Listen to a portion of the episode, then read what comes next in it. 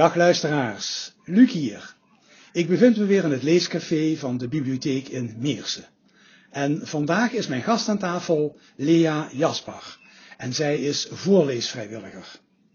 Lea, welkom. Dank je, Luc. Je bent vorig jaar gestart als vrijwilliger bij de Voorleesexpress. Waarom heb je je aangemeld als vrijwilliger? Waarom wilde je dit graag doen? Nou, ik vind het belangrijk om mijn uh, maatschappelijke betrokkenheid om te zetten in daden. En steek graag de hand uit de mouwen, Luc.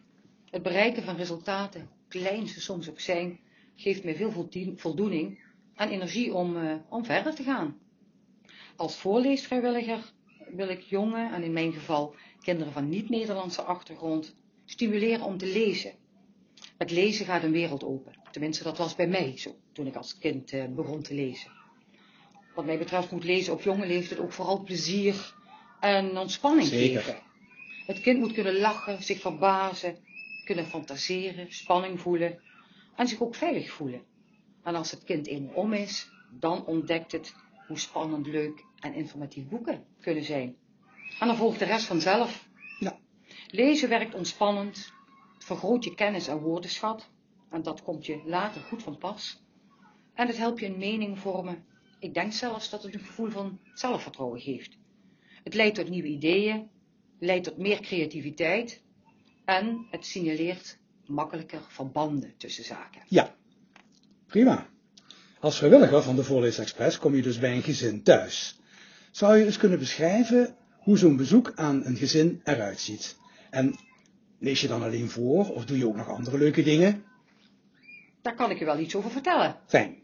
Elke woensdagmiddag ploffen we letterlijk op de bank samen. Elisa, Emily, mama en ik.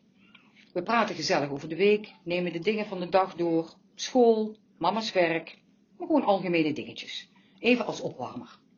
Dan begint het echte werk. Ik verdeel de tijd in voorlezen. Dat was in het begin voornamelijk voorlezen. Mhm. En later ontdekte ik, het is misschien toch ook beter als de kinderen zelf lezen en kunnen Mhm, voorlezen. Zeker. Dan hebben we dat toegevoegd. Eh, een uur, anderhalf uur vergt wel wat voor kindjes. Dus om ze eh, geboeid te houden, dacht ik van we gaan ook af en toe een spelletje spelen. En dat doen we met veel plezier. Eh, we kaarten soms, we spelen memory, eh, ik noem maar iets.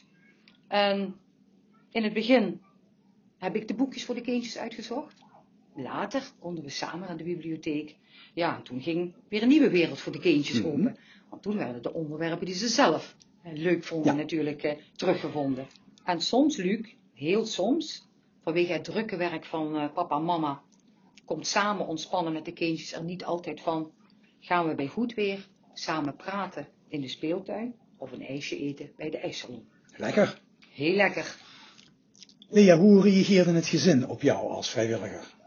In het begin was dat even aftasten, moet ik zeggen. Maar na een aantal weken zat het ritme er eigenlijk al prima in. En het gezin is ontzettend hartelijk en heel gastvrij. Dat is fijn om te horen. Absoluut. Betrek je de ouders ook bij het voorlezen? Lukt dat? En hoe doe je dat dan? Met name de mama is als begeleider eh, betrokken bij het eh, voorleesproject. en zij vindt het heel belangrijk dat haar kinderen eh, goed leren. En mama zelf beheerst de Nederlandse taal niet goed genoeg om deel te nemen aan het daadwerkelijke voorlezen.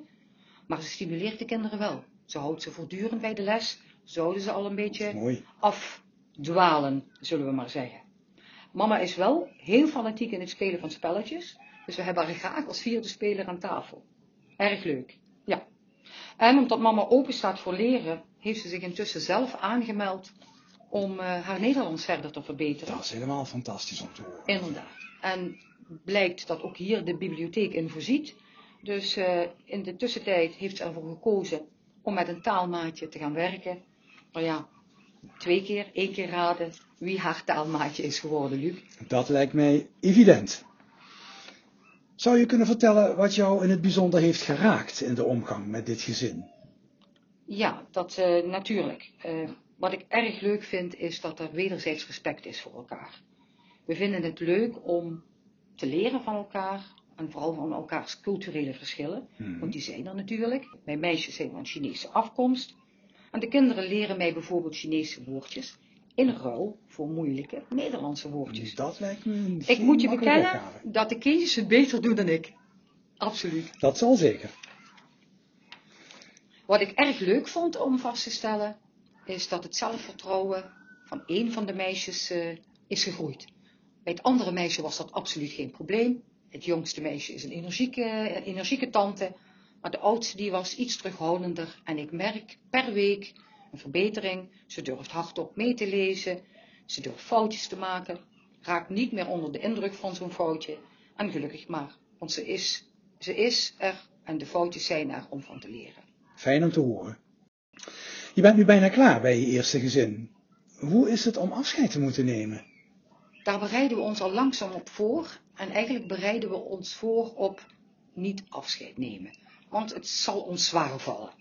Eh, maar ik heb dan ook het vermoeden dat die band wel zal blijven, Luc. Ja. Formeel hoop je dat na twintig weken het gezin voldoende routine en kennis heeft opgebouwd om het traject verder voor te Ja. zetten. Maar de band zal eh, blijven. Band Daar ben ik wel eh, zeker van. Mooi. Wat heb je in het gezin bereikt? Zou je dat kort onder woorden kunnen brengen? Ja, we hebben denk ik wel samen de leefwereld van de kinderen en ook specifiek van de mama vergroot. Mhm. De kinderen hebben geleerd dat er naast veel kekke computerspelletjes, daar zijn ze wel dol op, ook nog zoiets bestaat als lezen. Misschien niet zo flitsend, maar op gepaste momenten zeker zo leuk. En mama, ja, die wil vooral ook haar Nederlands verbeteren. Voor haarzelf, maar natuurlijk vooral ook voor de toekomst van haar kinderen. Want voor een goede integratie is en blijft taal cruciaal. Dat Zo is het. zonder meer het geval. Lea, mag ik jou heel hartelijk danken voor dit bijzonder verhelderende en fijne gesprek. Graag gedaan, Luc. Dankjewel.